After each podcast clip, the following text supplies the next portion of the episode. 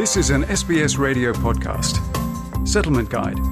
Information, issues, and stories about living in Australia.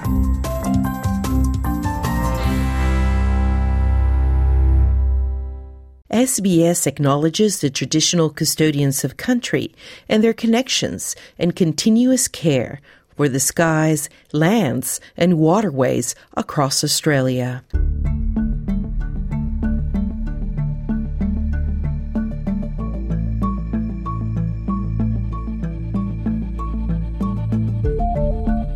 Hi there, g'day, and welcome to this episode of the Settlement Guide, a series where we help you navigate life in Australia. Whether you arrived today, have been living here for years, whether you were born in Australia, or you're planning to move here shortly, this series is for you. My name is Claudianna Blanco, and I came to live in Sydney more than a decade ago, and I'm still learning about life down under every day.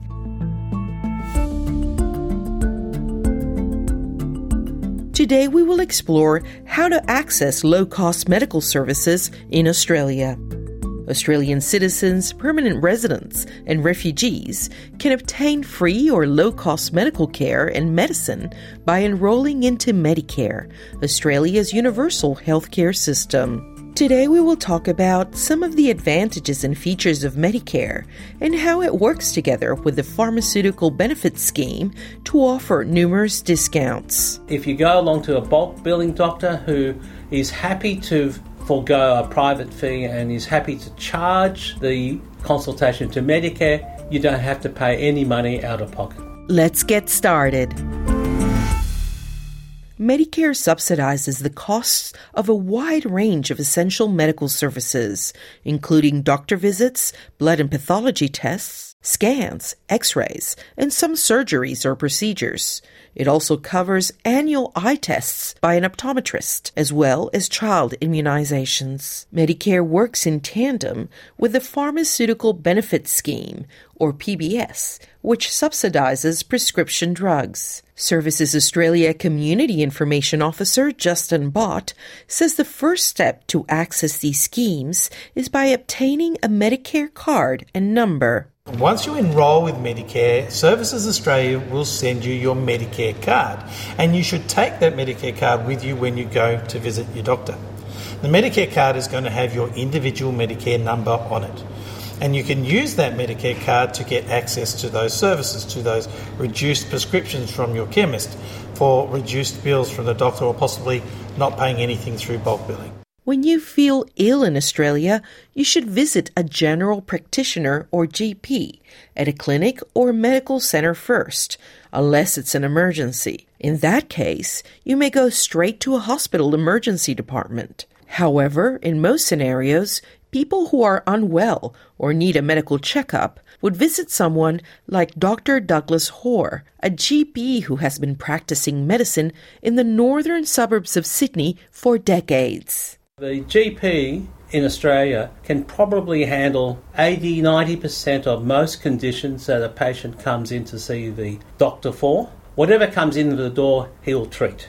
He'll listen to your symptoms and try to ascertain what your problem is and then what needs to be done uh, for treatment and trying to explain it all to the patient. They are the best equipped medical to be able to treat the patient holistically. The GP may decide to send patients to get further tests or other medical procedures, or refer them to specialist doctors. In serious circumstances, patients may be sent to a hospital. GPs also provide patients with prescriptions to buy medicine at pharmacies and recommend vaccinations. Some services are fully subsidized by Medicare and others only partly covered. This means patients may need to pay the difference between the full fee or cost of a product or service and what Medicare funds. An important feature of the Medicare and GP system is called bulk billing. If you visit a medical practice that bulk bills, you will not have to pay anything at the end of the consultation. Dr. Hoare explains. Depending on which practice you go to, which doctor you see, and in what circumstances, it's up to the doctor and the practice whether they bill the consultation directly to the government via Medicare or whether they charge the patient privately. If you go along to a bulk billing doctor who is happy to forego a private fee and is happy to charge the consultation to Medicare, you don't have to pay any money out of pocket.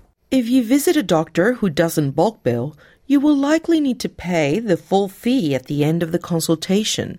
However, you may still claim part of that money back through the Medicare rebate system. Services Australia's Justin Bott explains. Now, the easiest way to claim that money back from Medicare is in your doctor's office. They can submit the claim to Medicare for you. Medicare will then make the payments into your bank account sometime later. If you can't, you will need to go through Medicare, and you can do that online at servicesaustralia.gov.au. Australian taxpayers fund Medicare via the income tax system through the Medicare levy. The amount contributors pay into the system varies according to their age and personal family circumstances vulnerable, low income Australian citizens and permanent residents, such as concession card holders and Commonwealth senior card holders, get additional Medicare benefits and PBS discounts. Mr. Bott explains both the Medicare system and the pharmaceutical benefits scheme also feature spending thresholds. Once surpassed, patients' medical costs are discounted further.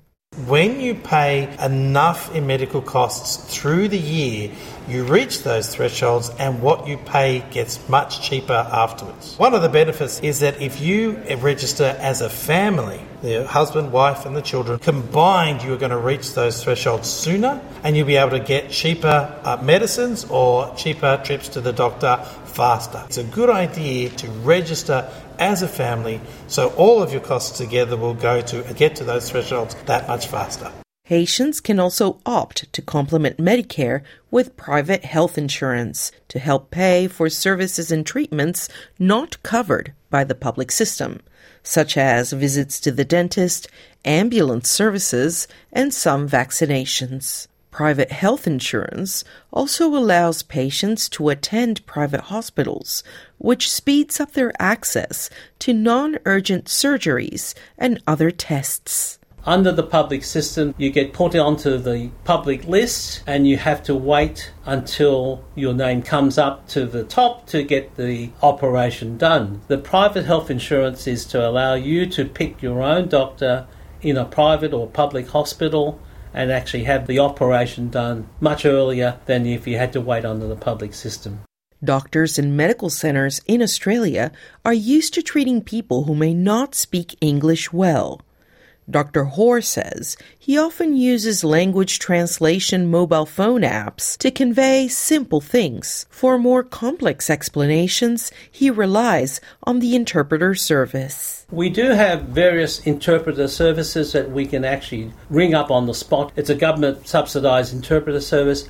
They can actually translate for the GP on the spot on a loudspeaker phone, and the patient talks and the interpreter can understand and translate back to the doctor what the problem is. Dr. Hoare adds many patients can also benefit from telehealth appointments and e scripts if they cannot attend the doctor's office in person. These services are covered by Medicare and the PBS too. To be eligible for telehealth, the patient has to be a patient of that doctor in the previous 12 months. Telehealth allows the doctor to talk to the patient by either just direct audio or through a video consultation, and we're able to treat the patient because we're now able to do e scripts, which allows us to write a script with a QR code on it, email the script to the patients, and they can take it to the pharmacy and be dispensed the script item without even touching the GP.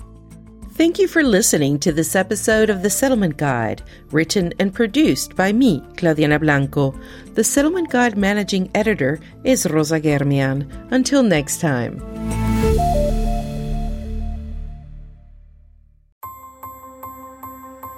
This was an SBS radio podcast. For more Settlement Guide stories, visit sbs.com.au slash radio.